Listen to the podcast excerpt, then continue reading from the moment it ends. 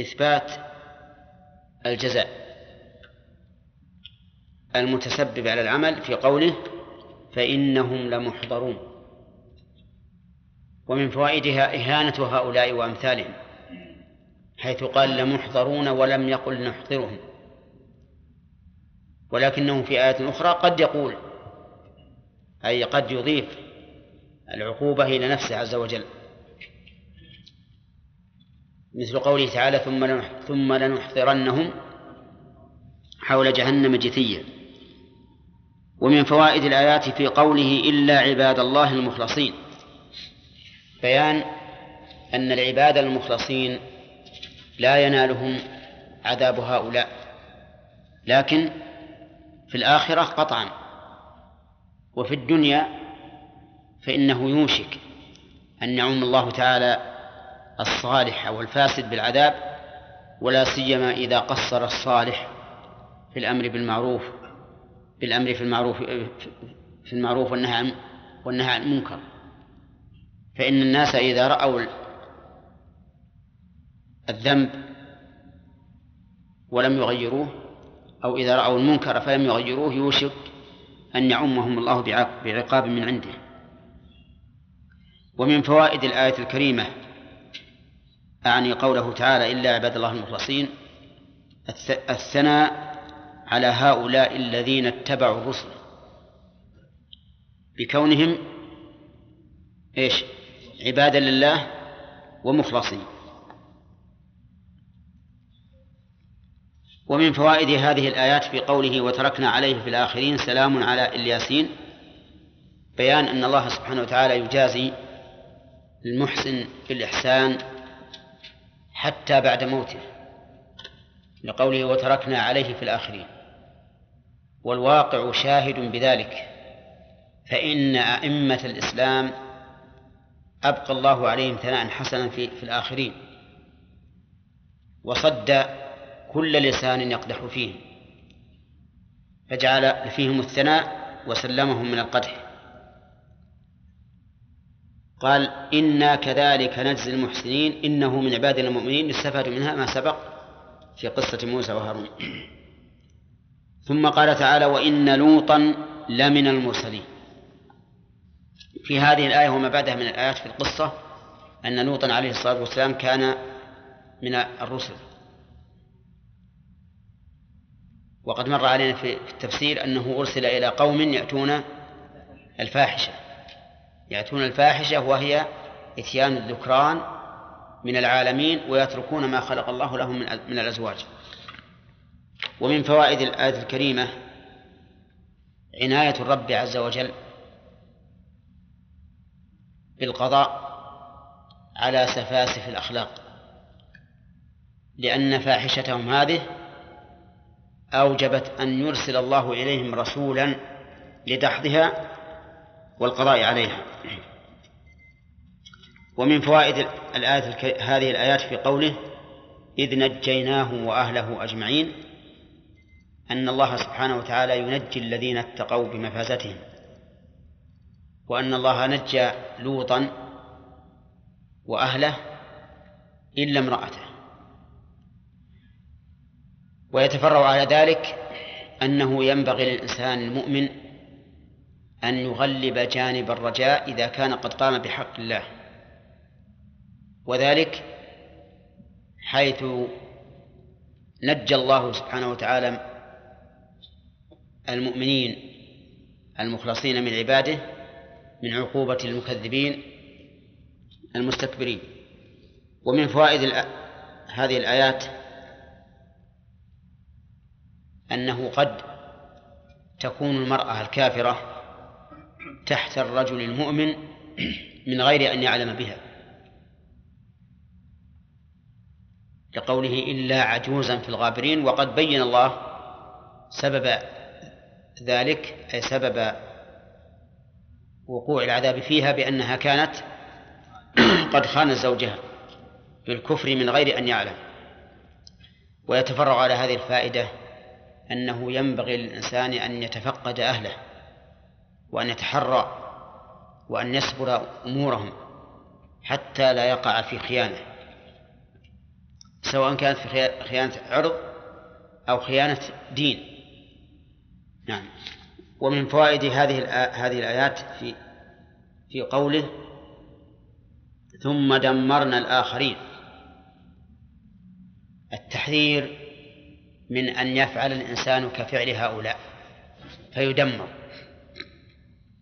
وتدمير قوم لوط حسي ولكن ربما يدمر من شابههم تدميرا معنويا. وقد يدمر تدميرا حسيا فيرسل الله مثلا عليهم الصواعق والبرد وغير ذلك مما يدمرهم لكن التدمير المعنوي محقق. طيب وبماذا يكون التدمير المعنوي في هذه الفاحشة؟ بانقلاب الذكور إناثا. لأن هؤلاء المفعول بهم والعياذ بالله يكونون كالمرأة كالمرأة تماما. هو نفسه يطلب الرجال يطلب الرجال ويتتبعهم لعلهم يفعلون به والعياذ بالله. لأنه انقلب وصار كالمرأة تماما. ولا شك أن هذا تدمير للرجولة وقلب للمجتمع. ومن فوائد هذه الآيات في قوله وإنكم لتمرون عليهم مصبحين. الإشارة إلى أن إلى أن الإنسان إذا رأى الشيء بعينه كان ذلك أقوى يقينا مما إذا أخبر به. لقوله وإنكم لتمرون عليهم مصبحين وتشاهدون آثارهم. وهذا يسمى إيش؟ حق اليقين. والخبر به يسمى علم اليقين. نعم. قال وإنكم لتمرون عليهم مصبحين وبالليل وقد يقال في هذا دليل أو إشارة على أن السير في الصباح أحسن منه في آخر النهار لقول المصلحين وبالليل.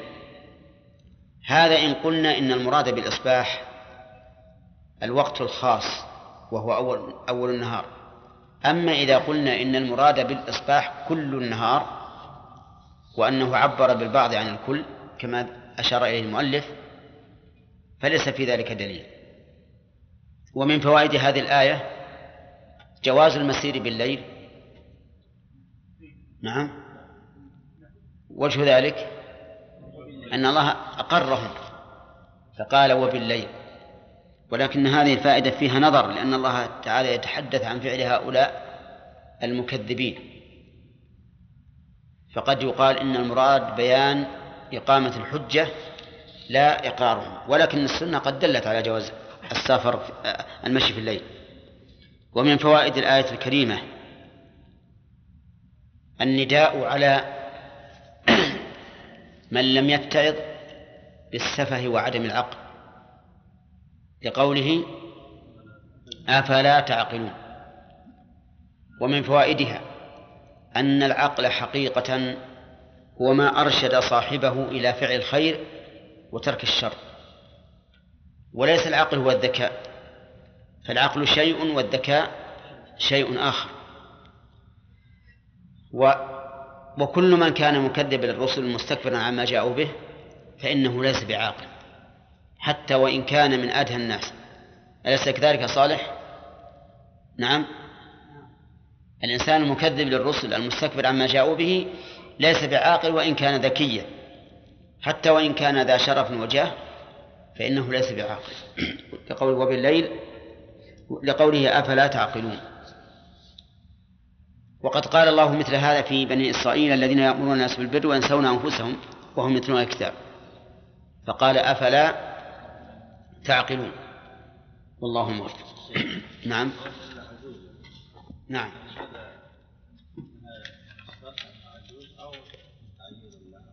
إيه. يعني هل قال ذلك من باب القدح فيها والعيب أو لبيان حقيقتها؟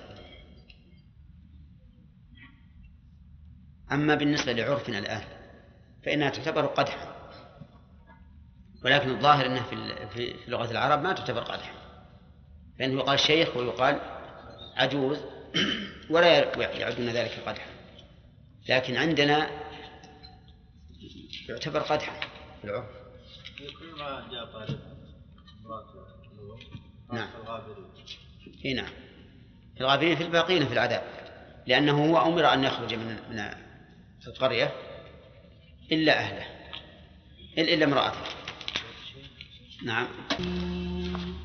وإن يونس لمن المرسلين إذ أبق إلى الفلك المشحون فساهم فكان من المضحضين فالتقمه الحوت وهو مليم. فلولا نعم. فلولا المسبحين للبث في بطنه إلى يوم يبعثون. فنبذناه بالعراء وهو سقيم. وأنبتنا عليه شجرة من يقطين. وأرسلناه إلى مائة ألف أو يزيدون. فآمنوا فمتعناهم إلى حين. فاستفتهم ألربك البنات بس كفاية أعوذ بالله من الشيطان الرجيم. قال الله تعالى وإن يونس لمن المرسلين. هذه الجملة مؤكدة بمؤكدين الأول إن والثانية والثاني اللام. وسبب التأكيد أن إثبات الرسالة أمر ينكره كثير من الناس. والشيء الذي ينكر يجب أن يؤكد بما يدل على ثبوته. سواء كان ذلك عن طريق التأكيد اللفظي بأدوات المؤكدات أو عن أو عن طريق التأكيد المعنوي بذكر الآيات والشواهد الدالة على ثبوته. تعالوا أنتم هنا. اللي يسند على الجدار ينام.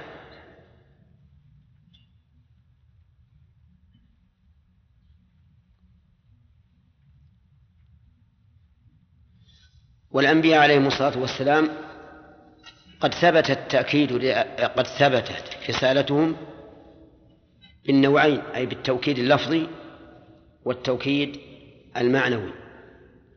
فأيدهم الله تعالى بالآيات الكونية والشرعية وأيد الله رسالتهم بالمؤكدات اللفظية كما في هذه الآية.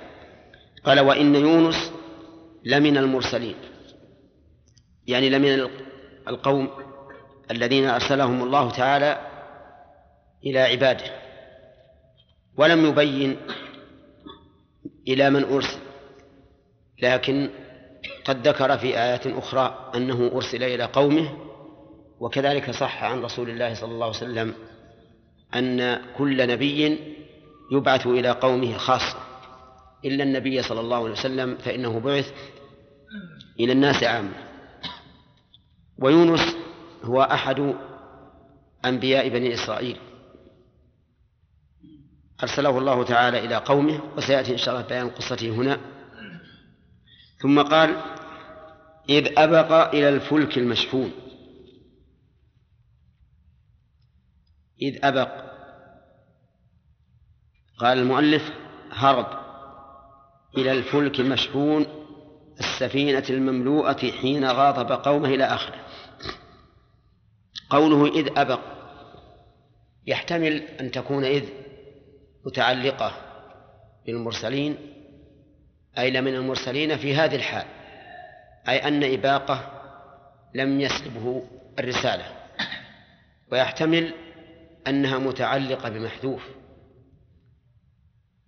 وتقديره اذكر إذ أبق إلى الفلك مشحون وهذا أحسن أن تكون متعلقة بمحذوف لأنه لما أثبت رسالته بين حالا من حالاته وهو إباقه عليه الصلاة والسلام.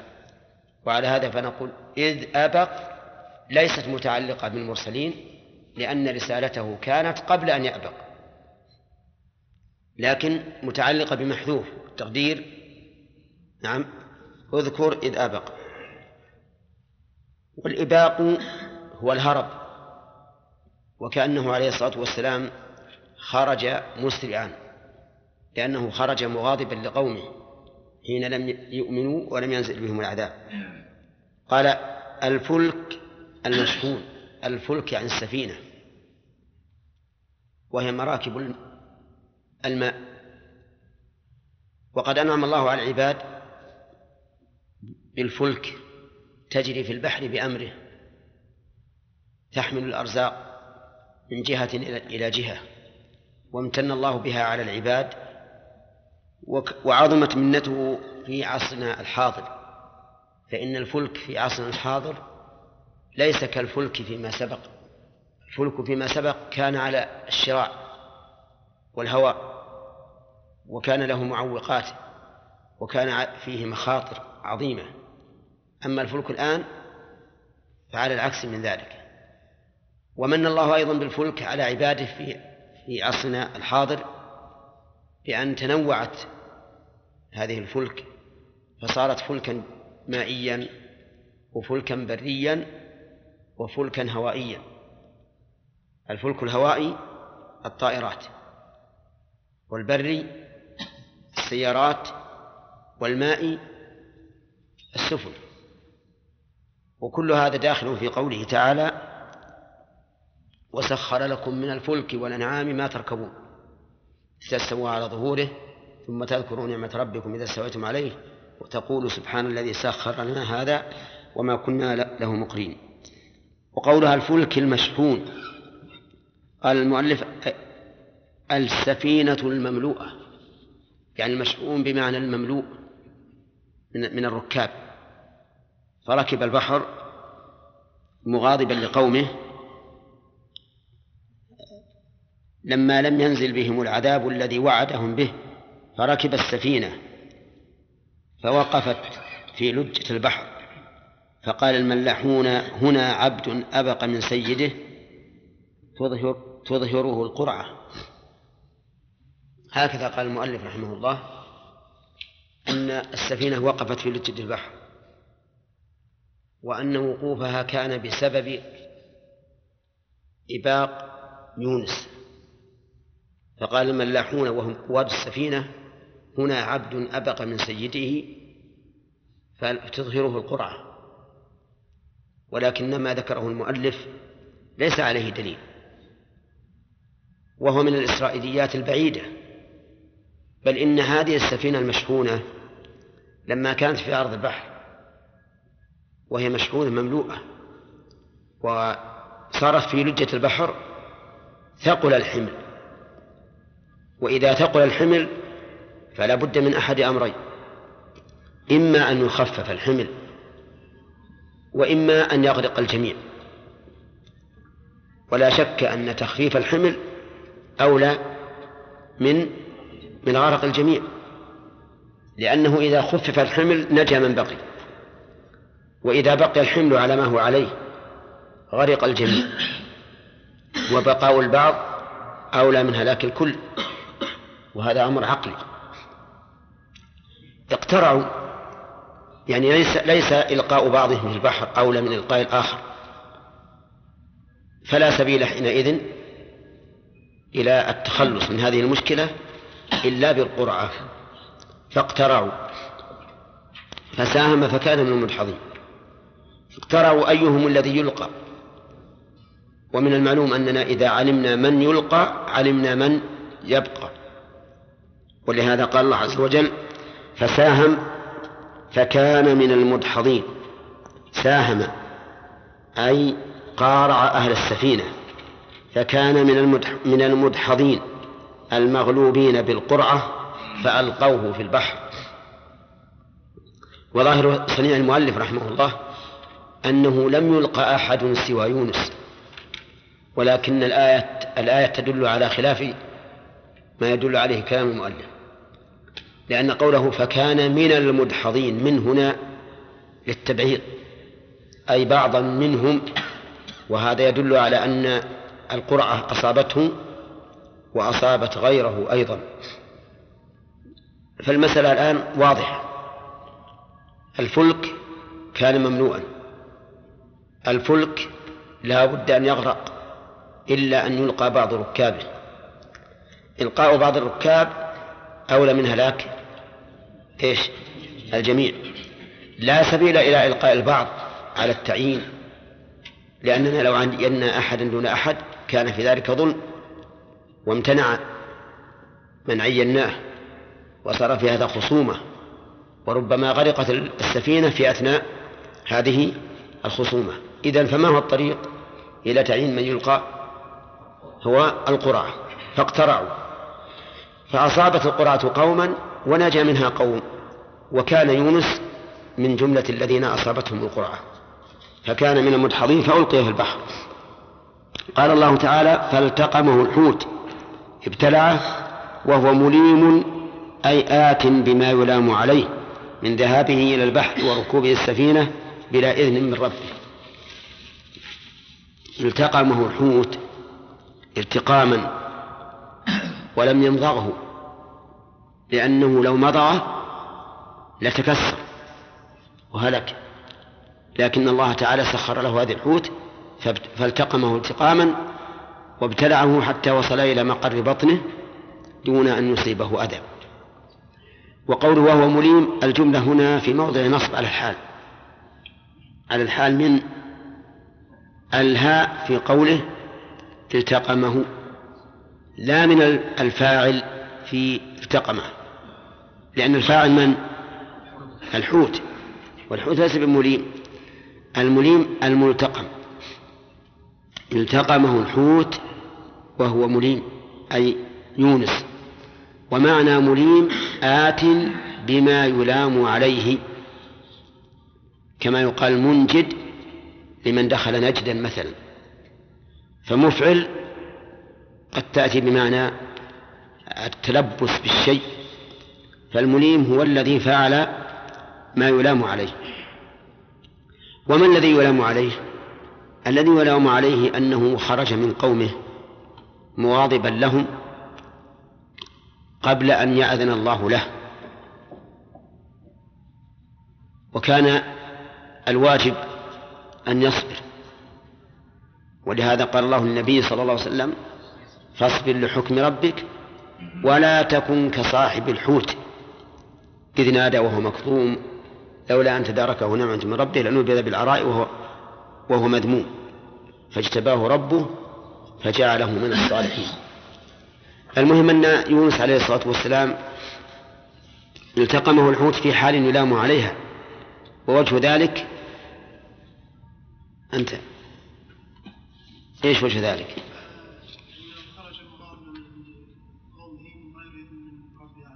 نعم.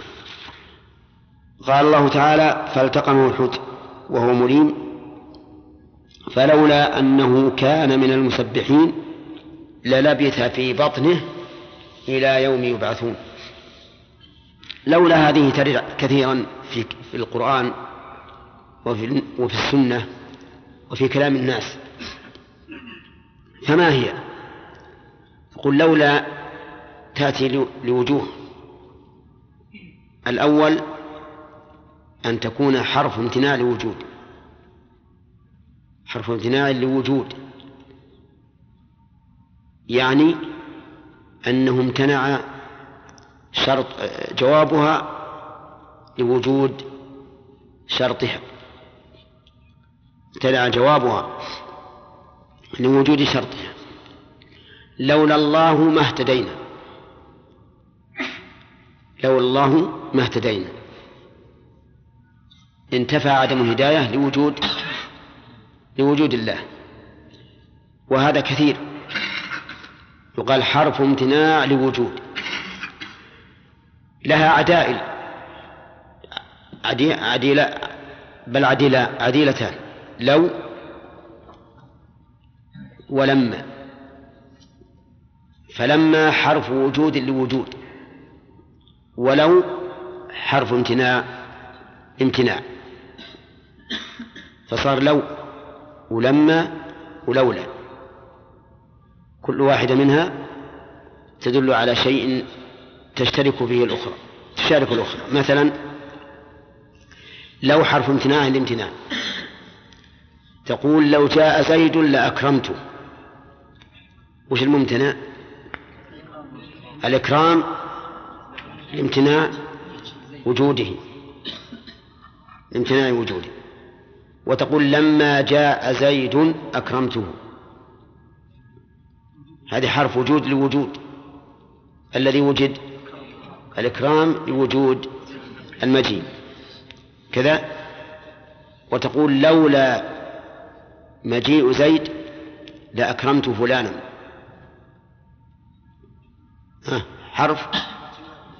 امتناع لوجود. ما الذي امتنع؟ إكرام فلان. لوجود مجيء زيد. هنا لولا أنه كان من المسبحين للبث ما الذي امتنع؟ اللبث لوجود التسبيح. لولا أنه أي يونس كان من المسبحين الذاكرين بقوله كثيرا في بطن الحوت لا إله إلا أنت سبحانك إني كنت من الظالمين. يعني لولا أنه كان من المسبحين بهذا اللفظ أو بغيره. وهذا أولى أن نقول بهذا اللفظ أو بغيره. يعني كان ممن سب يسبح الله. إما قبل أن يلتقمه الحوت أو في أثناء وجوده في بطن الحوت. لولا هذا للبث في بطنه أي في بطن الحوت إلى يوم يبعثون. لصار بطن الحوت قبرا له إلى يوم القيامة. ولكن لوجود التسبيح السابق أنجاه الله سبحانه وتعالى. ثم قال فنبذناه بالعراء وهو سقيم. النبذ بمعنى الطرح والإلقاء. هنا قال فنبذناه بصيغة الجمع مع أن النابذ هداية الله. نابذ النابذ فنبذناه أتى بصيغة الجمع مع أن النابذ واحد. طيب ولكن أتى بصيغة الجمع من باب التعظيم. وذلك لكمال صفاته عز وجل وكثرة صفاته عظم نفسه. فقال فنبذناه بالعراء. أي ألقيناه. أي ألقيناه من من بطن الحوت بالعراء بوجه الأرض أي بالساحل من يومه أو بعد ثلاثة, ثلاثة أو سبعة أيام أو عشرين أو أربعين يوما. نبذناه بالعراء. العراء وجه الأرض. وسمي نعم والمراد به وجه الأرض الذي ليس فيه ما يضل من شجر ولا بناء. وسمي عراء لعرو لعروه عما يكسوه من الأشجار والبناء. فالحوت لفظة على الساحل. فبقي عليه الصلاة والسلام على الساحل. ليس لديه ليس عنده بناء ولا أشجار تظله. عرى ولكن الله سبحانه وتعالى لطف به لأن رحمة الله سبقت غضبه. ربنا وسعت كل شيء رحمة وعلما. قال وهو سقيم. وأما قول المؤلف إنه من يومه أو بعد ثلاثة أيام أو أربعة أيام أو سبعة أيام أو عشرين يوما أو أربعين يوما فهذه أقاويل وكلها ليس عليها دليل. لكن لا شك أنه أن الله سبحانه وتعالى أبقاه في بطن الحوت ما شاء الله أن يبقى. وأما تعيين ذلك فلا بد فيه من دليل عمن قوله حجة وهو الرسول صلى الله عليه وسلم. وما عدا ذلك في مثل هذه الأمور فإنها لا تقبل. قال وهو سقيم عليل كالفرخ الممعط. قوله عليل تفسير للسقيم. والسقم بمعنى المرض والعلة.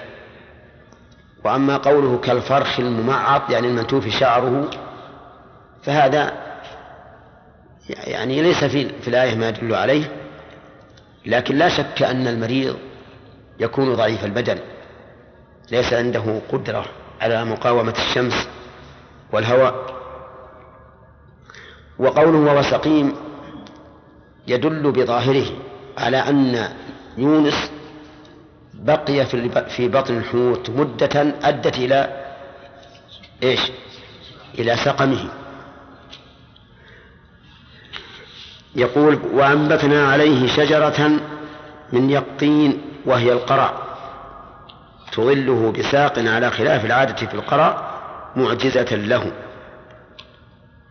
أنبتنا عليه ولم يقل أنبتنا له لأنه الآن بحاجة إلى ظل. فأنبت الله عليه ظلا هذه الشجرة. شجرة من يقطين من هذه لبيان الجنس كما يقال خاتم من حديد. واليقطين هو القرع. القرع أنواع في الواقع. منها قرع يسمى عندنا قرع النجد. هذا له شجر وأشجاره لينة كالإبريس. ويقال إنه لا يقع عليه الذباب. فإذا وأما النوع الثاني من القرع فهو قرع ورقه خشن. خشن حتى إن الإنسان إذا مسه أو إذا لمسه بيده يحس بالخشونة والظاهر أن الذي نبت أنبت الله عليه من النوع الأول اللين الذي يكون كالإبريس. وهو أيضا بارد الظل. أنبت الله عليه هذه الشجرة. وأما قول المؤلف إنها لها ساق على خلاف العادة فهذا يحتاج إلى دليل لكن لا شك أن الله أنبت عليه شجرة تظله ولا بد أن يكون لها نوع من الارتفاع. وأرسلناه قال وكانت تأتيه وعلة صباحا ومساء يشرب من لبنها حتى قوي. الوالة الأنثى من الظباء يعني أنثى الأوعال. فكانت تأتيه ويشرب من لبنها حتى قوي وهذا الخبر يحتاج إلى دليل عن معصوم وليس فيه دليل عن عن رسول الله صلى الله عليه وسلم. إذا فهو خبر إسرائيلي. نتوقف فيه لا نصدق ولا نكذب. إن كان الله تعالى قيض له ذلك فالله على كل شيء قدير. وهذا سبب حسي يحتاج الإنسان إليه يحتاج إلى غذاء. وإن كان الله تعالى قواه على تحمل الجوع والعطش فهذا أيضا ليس ببعيد. وحينئذ نجعل الآية فيه أن الله قواه على خلاف العادة.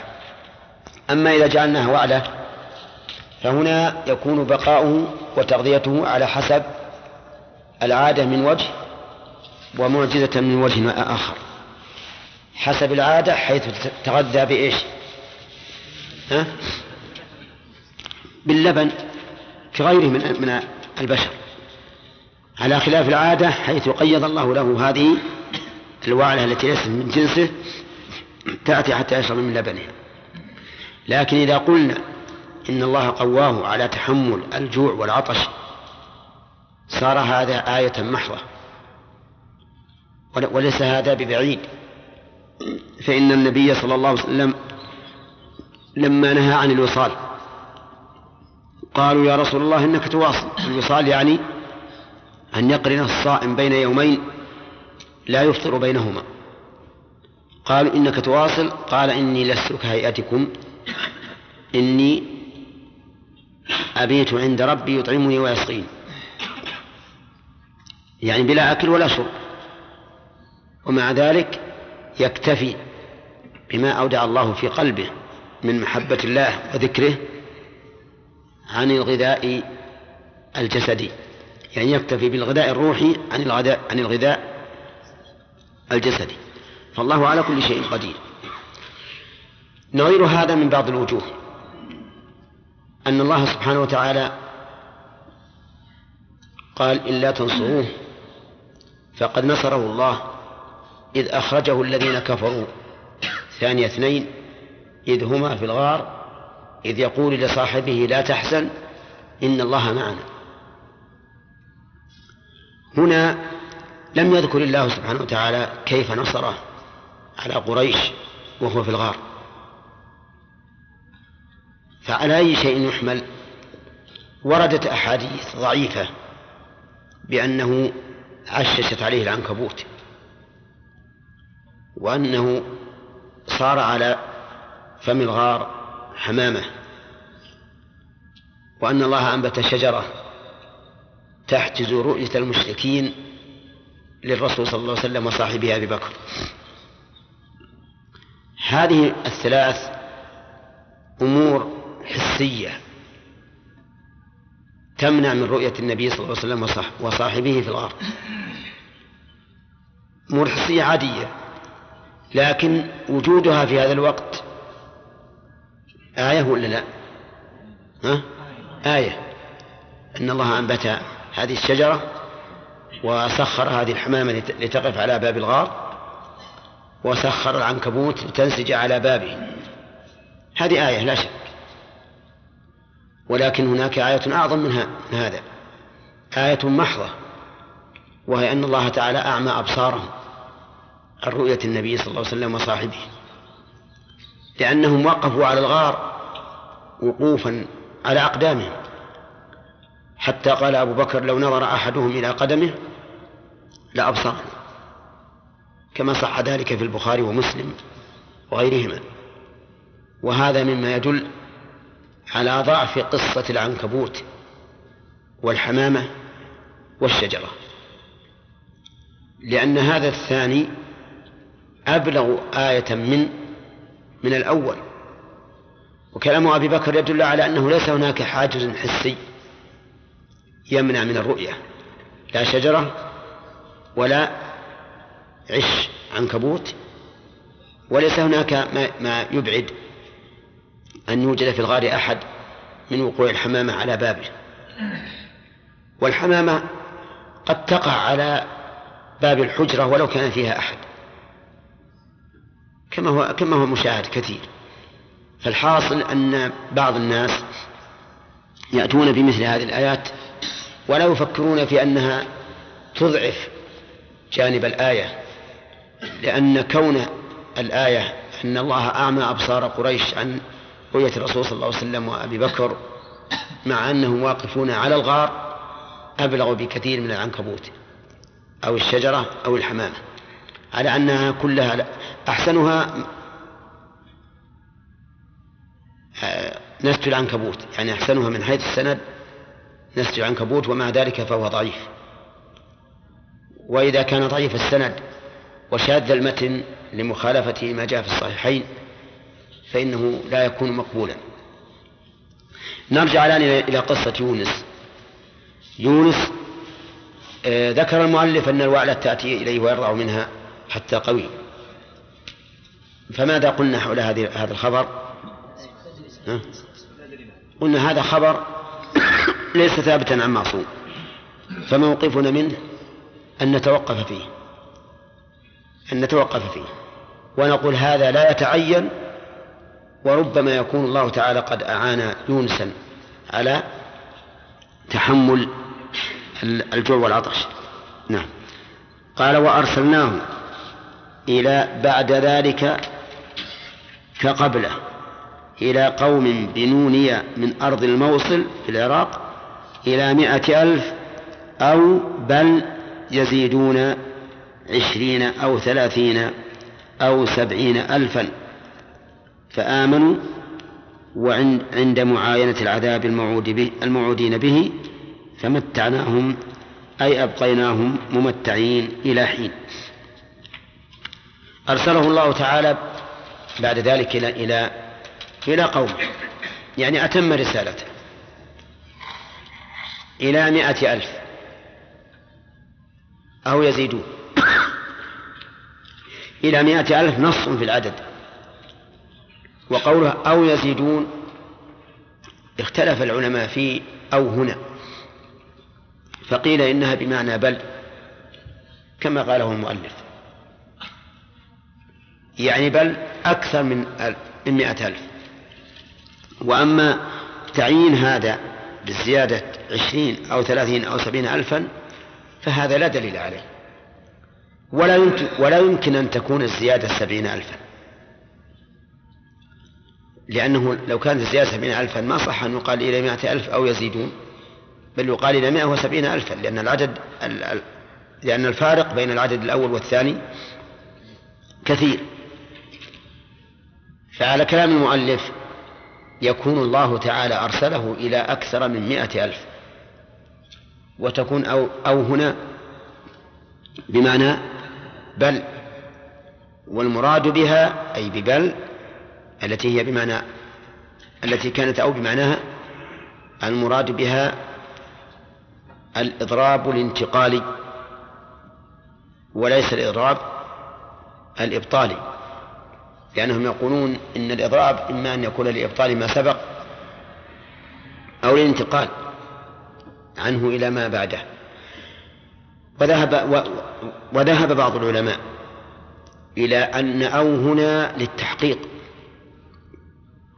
وليست للإضراب. أي إن لم يزيدوا على مائة ألف لم ينقصوا. فك فك فكأن ما بعد أو لتأكيد ما قبلها وليس للزيادة عليه. مثل ما مثل كما لو سألك السائل عن قوم كم عددهم فقلت مائة ألف أو أكثر. يعني أنهم إيش؟ إن لم يزيدوا لم ينقصوا. وليس المراد إثبات الأكثرية أو الزيادة على, على هذا العدد. بل المراد تأكيد هذا العدد. هناك احتمال لكنه لا يرد في هذا في هذا المقام. أن تكون أو للشك أن تكون أو للشك. وهذه وهذا الاحتمال غير وارد هنا. لماذا؟ لأنه لا يكون الشك في خبر الله أبدا. لإحاطة علمه بكل شيء. وعلى هذا فتكون فتكون أو هنا إما بمعنى بل وإما للتحقيق. أي تحقيق العدد السابق. فعلى القول الأول يكون المرسل إليهم زائدين على مائة ألف. وعلى الثاني يكون المرسل إليهم مائة ألف. لكن أكد ذلك بقوله أو أو يزيدون. إن شاء الله يأتي بقية الكلام على الآية والفوائد. نعم.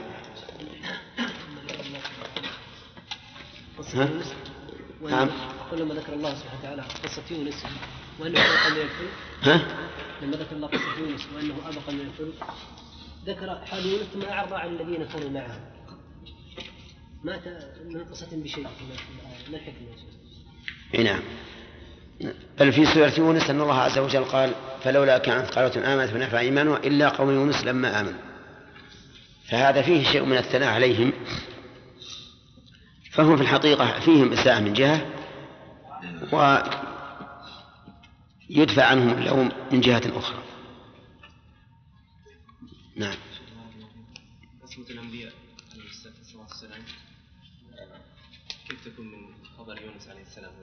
كيف؟ يعني لم يستأذن خرج هذا بيتكلم عليه بالفوائد. نعم. قول المؤلف أن وقوف السفينة كان بسبب يونس. ما له يا شيخ وجه لأنه الله يعني سبحانه وتعالى قدر وقوف السفينة لكي يمتحن يونس بهذا البلاء. يعني بسبب يونس. إي نعم.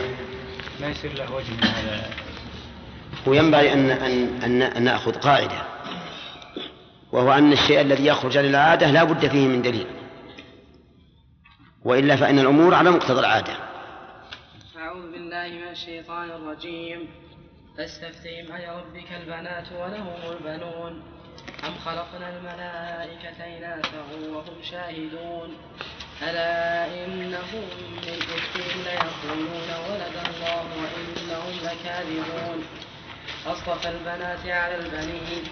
ما كيف تحكمون؟ أفلا تذكرون؟ أم لكم بس بس. أعوذ بالله من الشيطان الرجيم. قال الله تعالى وإن يونس لمن المرسلين. الأخ.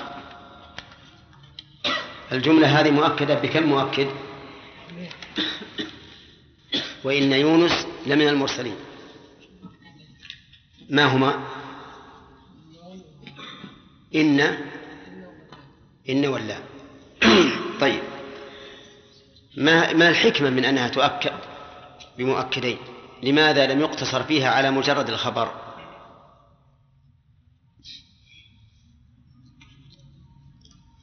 نعم. لأن الرسالة قد تبلغ من يصدق ومن يكون في شك من هذا أو أو يكذب. لأن لأن من الناس من يكذب بالرسالة. هذا واحد. نعم. والثاني؟ الرسل عليهم الصلاة والسلام أكدوا بأمور معنوية فأكدوا أيضا لا لا دعنا طرق التوكيد. ولأهمية ذلك أهمية ثبوت رسالته من أجل أن نؤمن به. طيب. قوله إذ أبق إلى الفلك. محمد إذ أبق.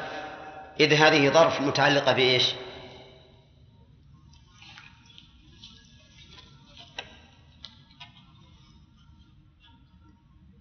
ما حضرت؟ آه. نعم. بالمرسلين. بأذكر بمحذوف. تمام. وإذا يتعلق بأذكر أحسنت. تمام. لأنه لا وجه للثناء عليه حين إباقه. طيب. قوله فكان من المدحضين. سلك المؤلف في هذا مسلكا خلاف الظاهر. ما هو؟ أنه أن أهل السفينة آه، لما لا من المدحضين فقط. أنه يعني أنه عبد أبق من سيده قال قال و... نعم. من هنا التبعيض لا لا ما, ما الذي سلكه المؤلف ورددنا عليه نحن. أنه أنه قال أن أن أهل السفينة قالوا أن أن عبدا أبق من سيده. لا لا يا شيخ. نعم. هو أنهم قالوا أن هو يعني ألقي في البحر يونس لحاله وحده. وحده.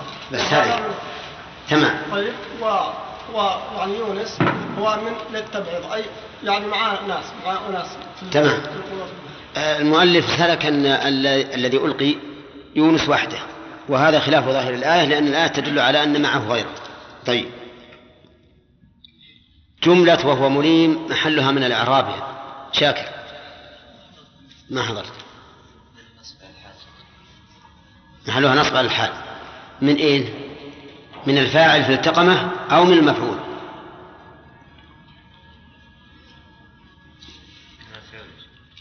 كيف؟ منين؟ من المفعول تأم مناظر الآ- الآية.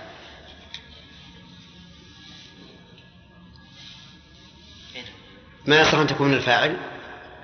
من الملوم؟ الحوت الملتقم أو يونس الملتقم؟ يونس.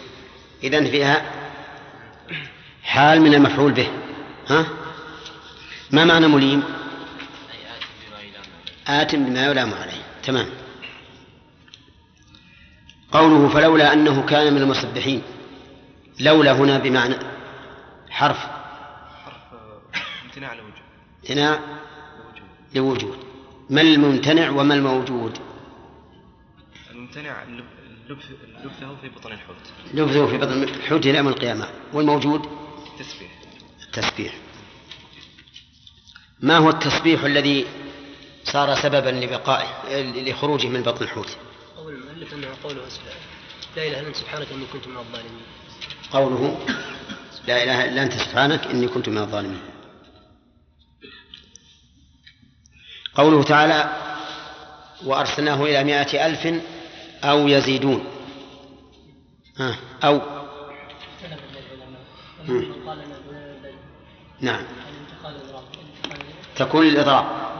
الانتقال نعم يعني بل يزيدون على أكثر من ذلك يعني وعلى هذا فيكون الذي أرسل إليهم أكثر من الألف من مئة ألف.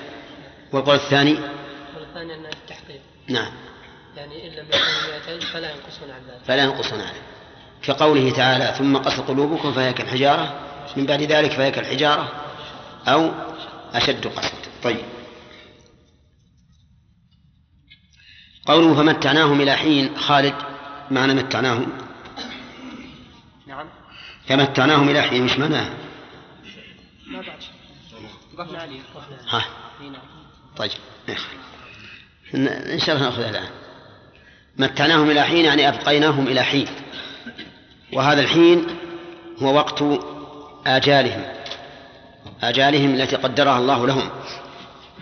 يعني أنهم لم يهلكوا بهذا العذاب الذي أصابهم. كقول كما قال تعالى فلولا كانت قرية آمنت فنافعها إيمانها إلا قوم يونس.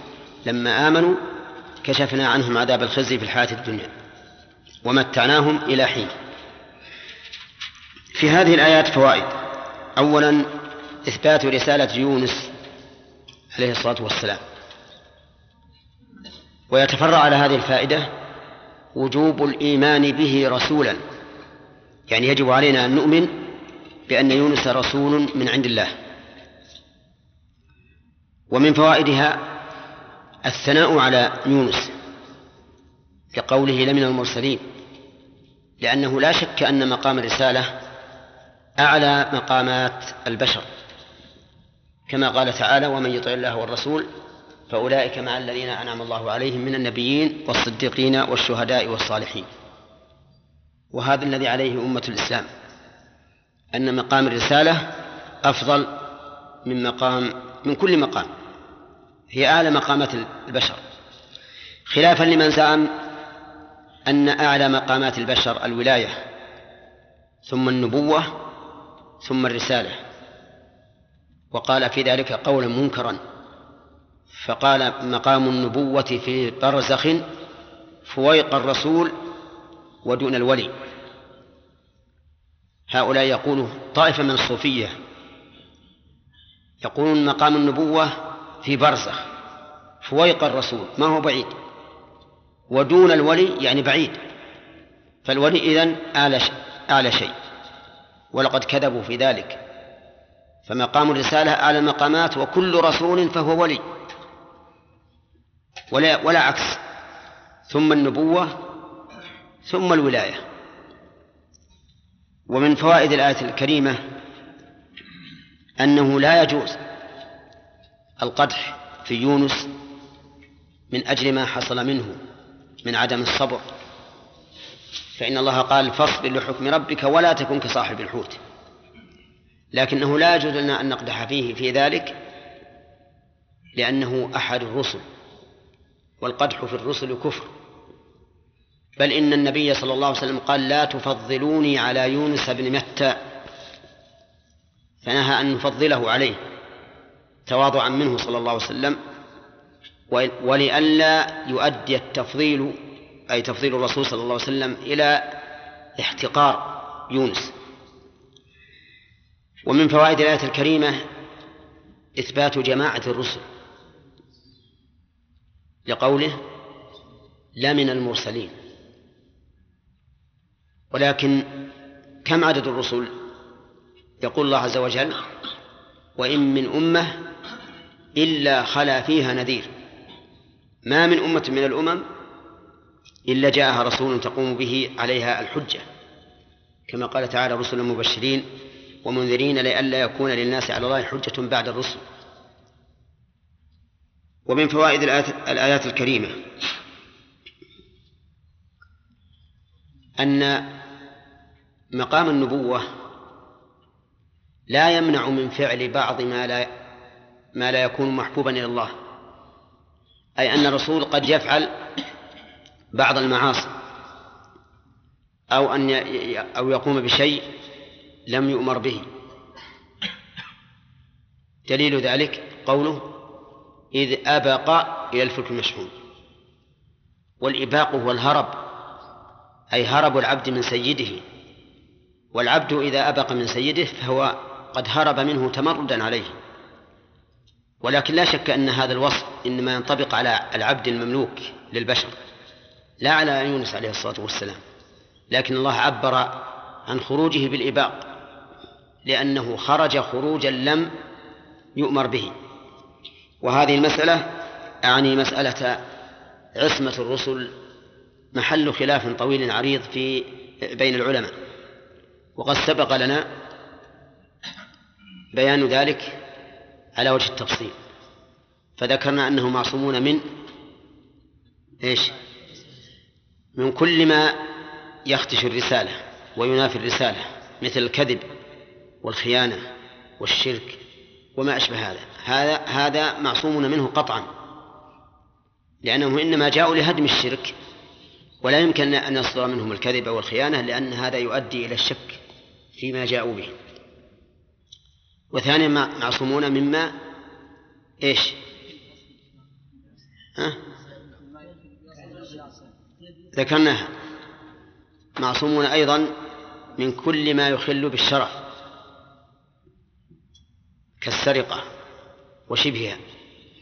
مما يعد دناءة وخسة. وذلك لأن النبوة أعلى مقامات البشر.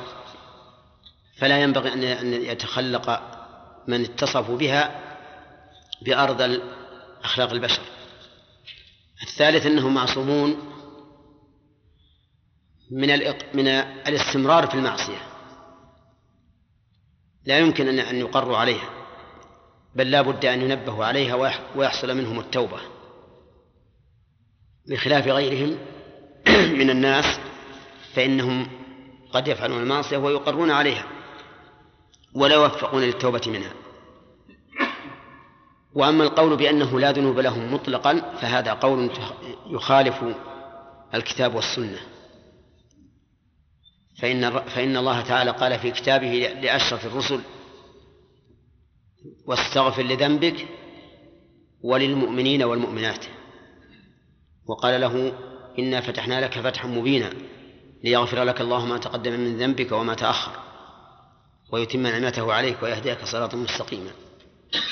وكان النبي صلى الله عليه وسلم يقول اللهم اغفر لي ذنبي كله دقه وجله علانته وسره وأوله وآخره. اللهم اغفر لي ما قدمت وما أخرت وما أسررت وما أعلنت.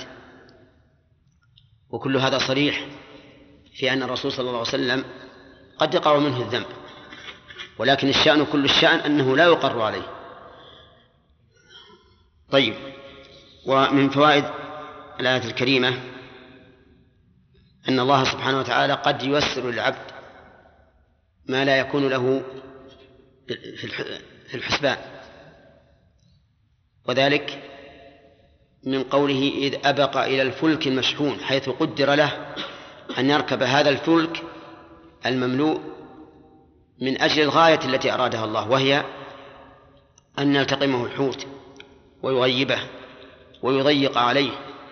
حتى يتبين له أنه لا مفر من قدر الله. كما قال تعالى وذنون إذ ذهب مغاضبا فظن أن لن نقدر عليه فنادى في الظلمات أن لا إله إلا أنت سبحانك أني كنت من الظالمين. ومن فوائد الآية الكريمة جواز المساهمة يعني القرعة كقوله فساهم. فإن قال قائل هذا من شرع من قبلنا. فالجواب أن شرع من قبلنا من قبلنا شرع لنا ما لم يرد شرعنا بخلافه فكيف وقد ورد شرعنا بوفاقه؟ فإن النبي صلى الله عليه وسلم كان إذا أراد سفرا أقرع بين نسائه فأيتهن خرج سهمها خرج بها. إذن يستفاد منه جواز إيه؟ المساهمة يعني القرعة. فإن قال قائل المساهمة فيها خطر فهي ميسر لأن الإنسان قد يكون غانما وقد يكون غارما. فالجواب على ذلك أن هذا نعم الجواب على ذلك من أحد وجهين إما المنع وإما التسليم ولكن لأن الضرورة دعت إلى ذلك. إما المنع بأن نقول إن الإنسان لا يمكن في في في القرعة أن يكون سالما غانما أو غارما. بل هو إما غانم وإما سالم. أما أن يغرم شيئا فلا. أو نقول بأنها فيها غرر لكن الضرورة دعت إليه. إذ لا يمكن التوصل إلى التمييز بين المشتركين في حق من الحقوق إلا بالقرعة. ولذلك إذا أمكن التمييز بينهما بغير القرعة فإنه يجب التمييز بينهما بدون القرعة. فمثلا إقراع النبي صلى الله عليه وسلم بين زوجاته إذا أراد السفر. نقول هو لا يمكن أن يذهب بهن جميعا لأنه لو أمكن ها؟ لذهب بهن جميعا. إذا لابد أن نميز من الذي يستحق أن يخرج. من؟ كيف نميز؟ نقول الأخيرة منهن الشابة منهن الكبيرة منهن ما ندري. فهم فهم فهن متساويات في الحقوق. ولا سبيل إلى التعيين إلا بإيش؟ بالقرعة. فإذا خرجت القرعة لواحدة فالباقيات لم يغرمن شيئا. غاية ما هنالك أنه فاتهن ما يرغب ما يرغبن فقط. ولهذا إذا خرجت القرعة عن هذا إلى الميسر صارت حرام. مثال ذلك أراد اثنان أن أراد اثنان مشتركان في قمح. أراد اثنان مشتركان في قمح. أن أن يقتسم القمح بينهما. وهما شريكان بقدر النصف كل واحد له النصف. فقسم القمح أثلاثا. أي جعل ثلثان في جهة وثلث في جهة أخرى. وأرادوا القرعة أيهما يأخذ الثلثين؟ فالقرعة هنا ها؟ حرام. لأن أحدهما إما غانم وإما غارم إما أن يأتيه أكثر من حقه وإما أن ينقص حقه. فهذه تكون حراما لأنها صارت ميسرا واضحا. لكن قسمنا القمح نصفين وأردنا أن نميز كل واحد في حقه. فما هو الطريق؟ إذا لم يتنازل أحدهما للآخر ويخيره ويقول اختر ما شئت فلا طريق لنا إلى التمييز بينهما إلا إلا بالقرآن. طيب هل ذكرت القرعة في القرآن في غير هذا الموضع؟ نعم. في في آل عمران وما كنت لديهم إذ يلقون أقلامهم أيهم يكفر مريم وما كنت لديهم إذ يختصمون. طيب. من فوائد الآية أنه ليس للقرعة أو ليس للمساهمة طريق معين فيسلك فيها ما يحصل به التمييز إما بكتب رقاع أو بأحجار أو بلفائف خراء أو بأي طريق. المهم أن نميز من له الحق. بأي وسيلة؟ لأن المساهمة وردت في النصوص ولم تعين طريقا خاصا لها. فأي طريق توصلنا به إليها؟ جاز. من فوائد الآية الكريمة ارتكاب أدنى الضررين لدفع أعلاهما. من فوائد الآيات ارتكاب أدنى الضررين لدفع أعلاهما وجه ذلك أن هذه القرعة سيكون فيها هلاك بعض الركاب وهو أهون من إيش؟ من هلاك الجميع. إذن فالواجب إذا كان لا بد من الضررين. الواجب ارتكاب إيش؟ الأدنى. لأن ارتكاب الأدنى يسقط عنا ارتكاب مفسدة المفسدة الزائدة. واجتناب المفسدة الزائدة واجب. لهذا نقول يجب ارتكاب أحد الضررين أدنى الضررين لدفع أعلاهما. طيب. وفي هذا الحديث وفي, وفي هذه الآيات دليل على العمل بمثل هذه القضية. يعني لو كان الناس في مركب. وكان المركب مشحونا. وكان لا بد من إلقاء بعض الركاب أو هلاك الجميع. فإنه يجوز أن يلقى بعض الركاب لكن عن طريق القرعة ليبقى البقية. فإن قال قائل كيف يمكن؟ كيف نلقي هذا الرجل في البحر في الهلاك؟ وهل هذا إلا قتل نفس؟ فما الجواب؟ يعني نأخذ الرجل نعرف إنه بيموت. نأخذه ونلقيه في البحر. هل هذا إلا قتل نفس؟ ما الجواب؟ نقول نعم هو قتل نفس لكن لإبقاء نفوس. لإبقاء نفوس. وأيما أولى أن يقتل الجميع أو أن ينجو البعض. الثاني بلا شك أولى وهذا أمر لا بد منه لأننا لو أبقينا الجميع لكنا تسببنا لهلاك الجميع وكوننا نتسبب لهلاك البعض أهون من كوننا نتسبب لهلاك لهلاك الجميع. لكن هذا بشرط أن لا يكون هناك احتمال ولو ضعيفا للنجاة فإن كان هناك احتمال فإنه لا يجوز ارتكاب مثل هذا. طيب إذا كانت الفلك مشحونة بأمتعة وأطعمة وأغنام وآدم فمن نبدأ بإلقاء أي؟ ها؟ الأمتعة. الشيء الذي ليس فيه روح. فإن أمنا وإلا ألقينا الأطعمة. فإن أمنا ألقينا الحيوان. فإن أمنا وإلا أقرعنا بين البشر. إيه نعم. من فوائد الآية الكريمة. حصول آية من آيات الله عز وجل وذلك بتسخير هذا الحوت ليونس حتى التقمه بدون مض ولا شك أن هذا من آيات الله لأن مثل هذا بعيد في العادة. العادة أنه يمضى ثم يأكل لكن هذا التقمه جميعا لم يكسر له عظم ولم يهشم له شيء من أضلاعه أو غيرها طيب. ومن فوائد الآية الكريمة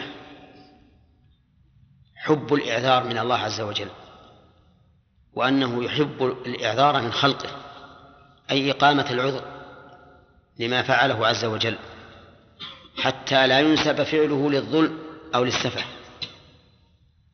تؤخذ من قوله ها؟ وهو مليم.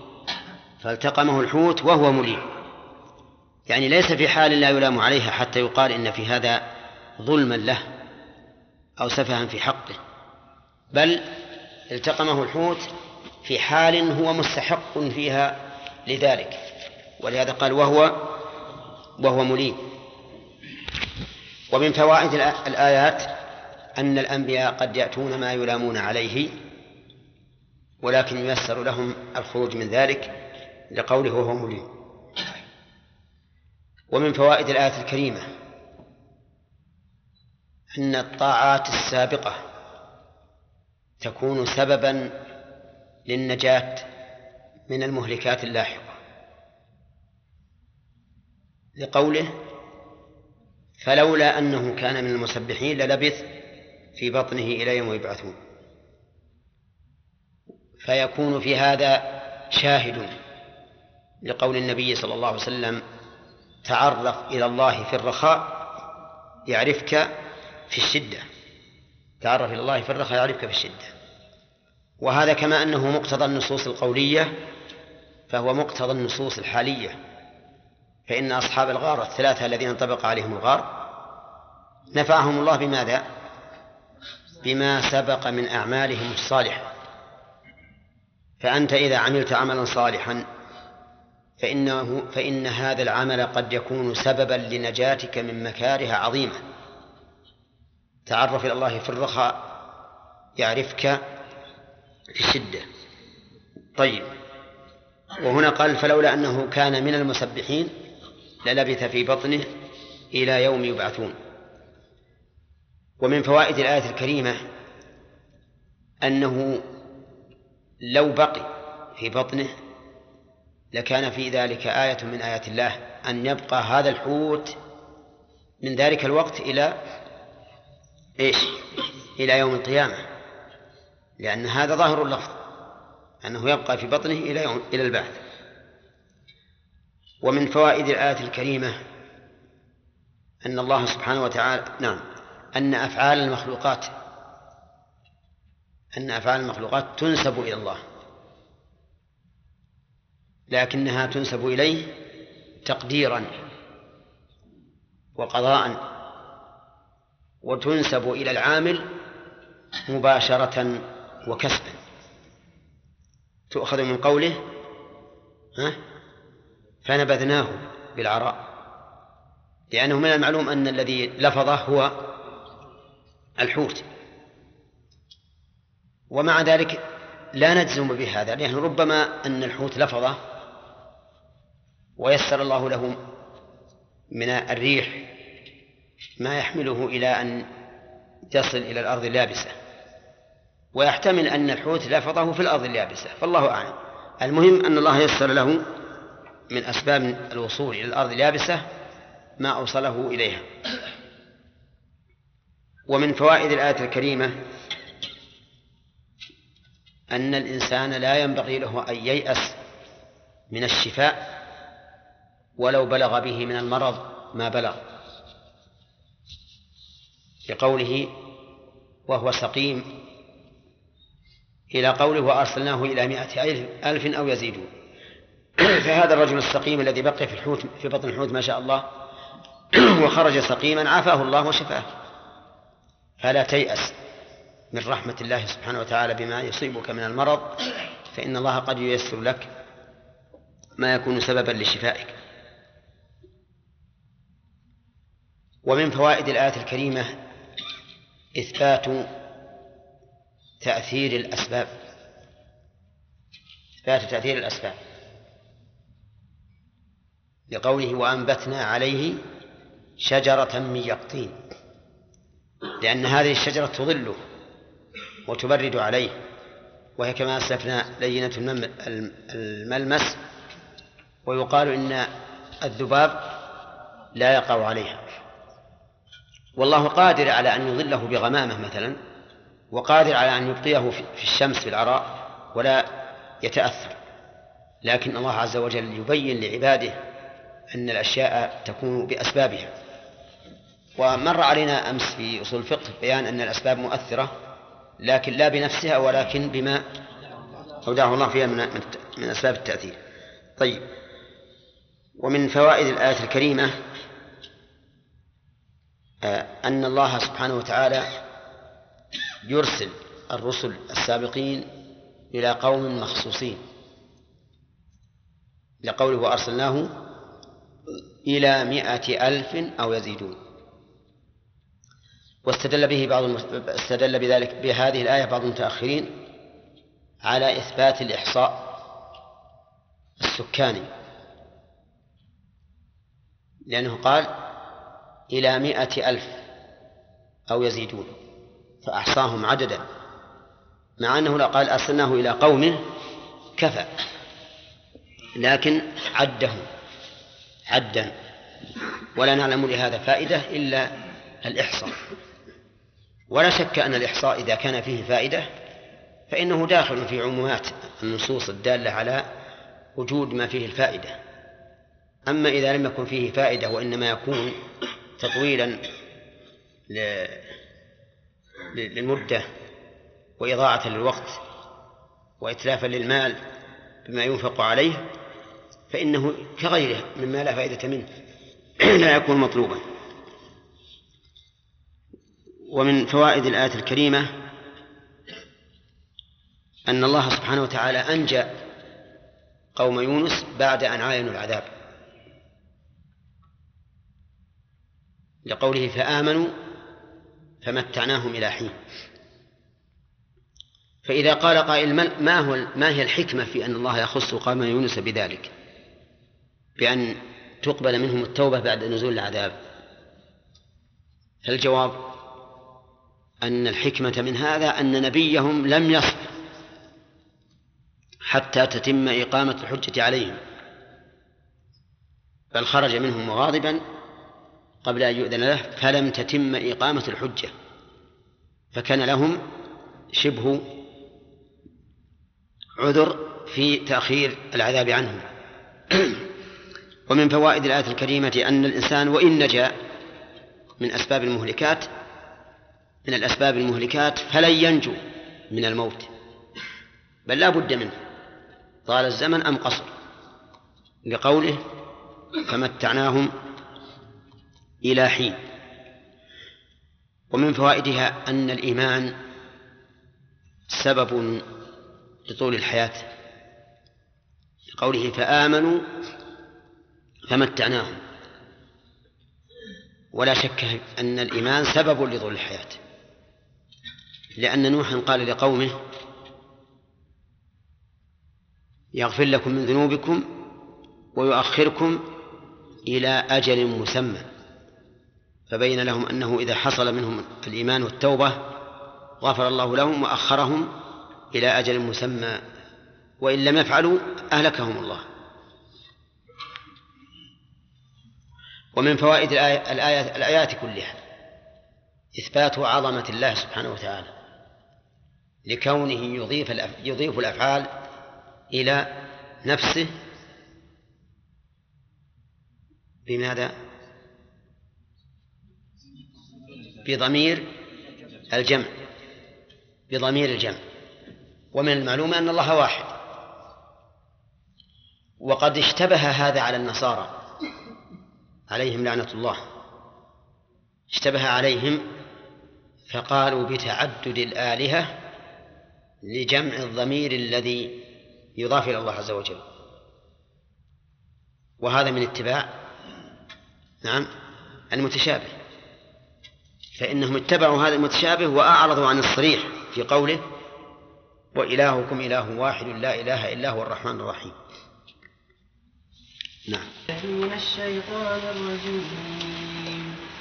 فاستفتهم ألربك البنات ولهم البنون. أم خلقنا الملائكة إناثا وهم شاهدون. جدا نعم. أم خلقنا الملائكة إناثا وهم شاهدون؟ ألا إنهم من إفكهم ليقولون ولد الله وإنهم لكاذبون؟ أصطفى البنات على البنين ما لكم كيف تحكمون؟ أفلا تذكرون؟ تذكرون. ها؟ تذكرون. أفلا تذكرون. لا عندي بتشديد الذال مصحف. عندي نعم طيب. أفلا تذكرون أم لكم سلطان مبين؟ فأتوا بكتابكم إن كنتم صادقين. وجعلوا بينه وبين الجنة نسبا ولقد علمت الجنة إنهم لمحضرون. سبحان الله عما يصفون.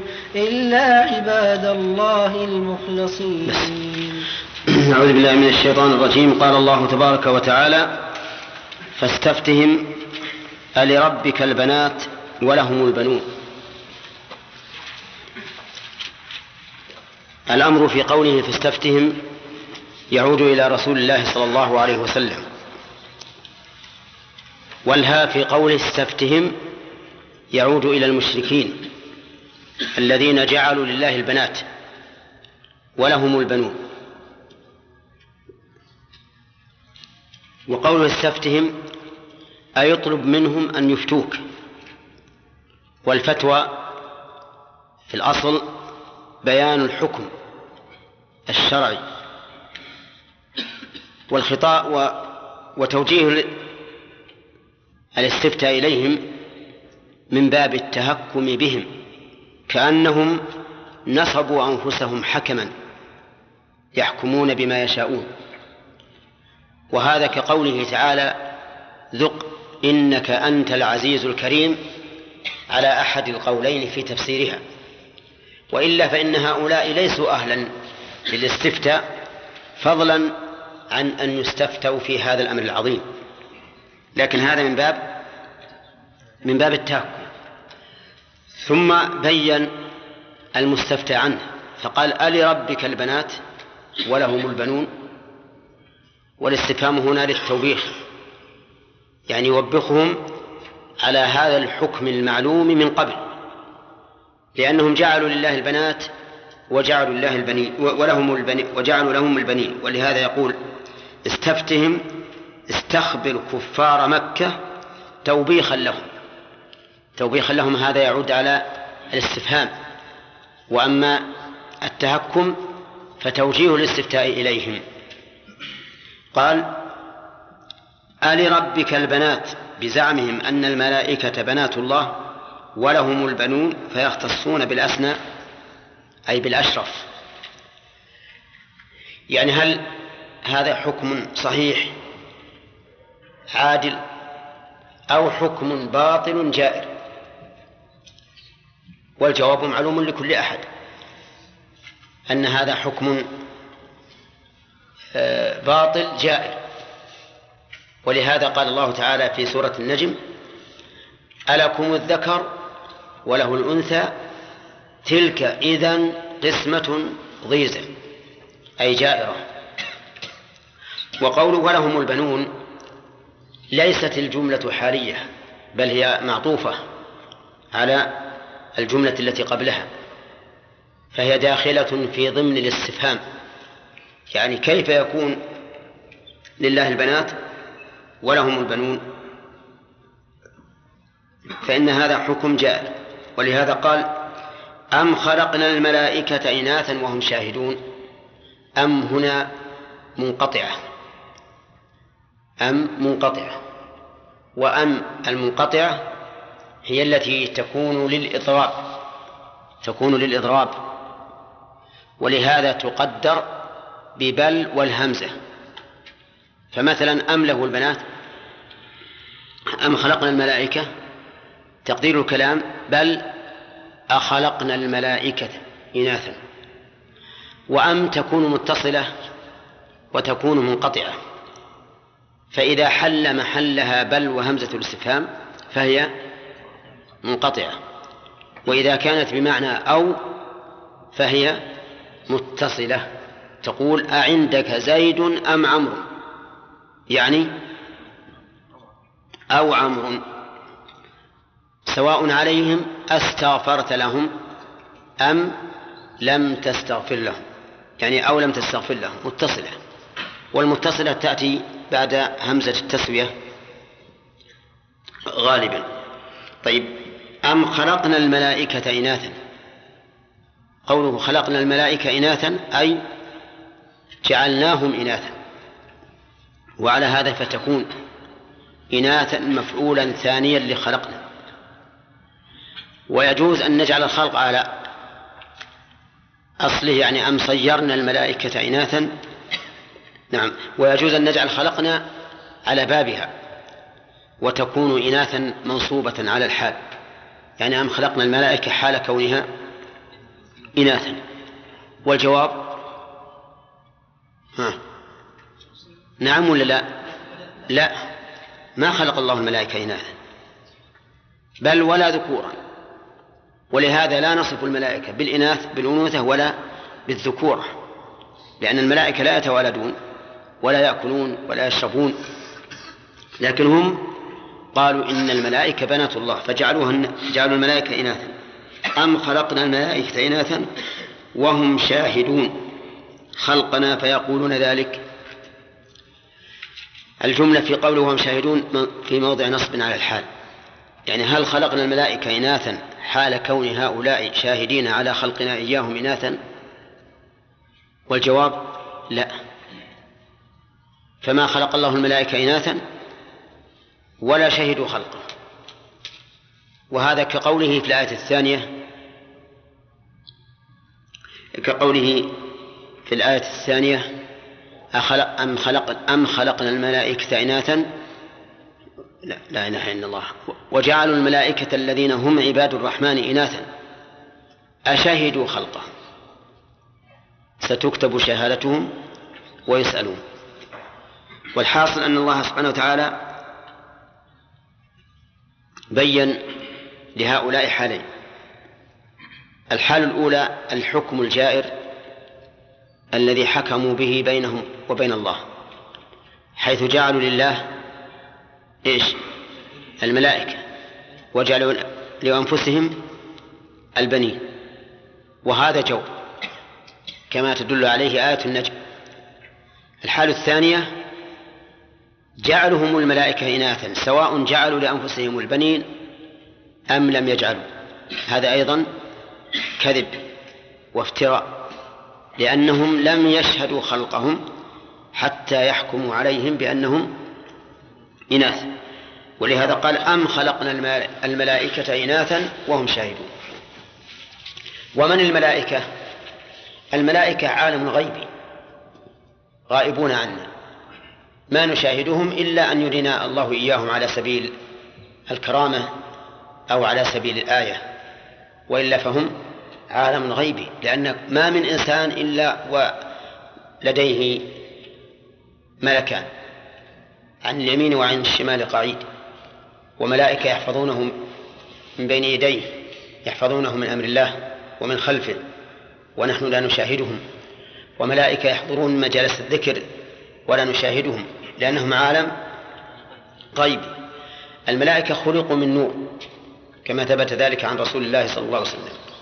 وخلقوا صمدا يعني لا يأكلون ولا يشربون لأنهم يسبحون الليل والنهار لا يفترون. الملائكة منهم من علمنا بأعيانهم ومنهم من لم نعلم. فممن علمنا بأعيانهم؟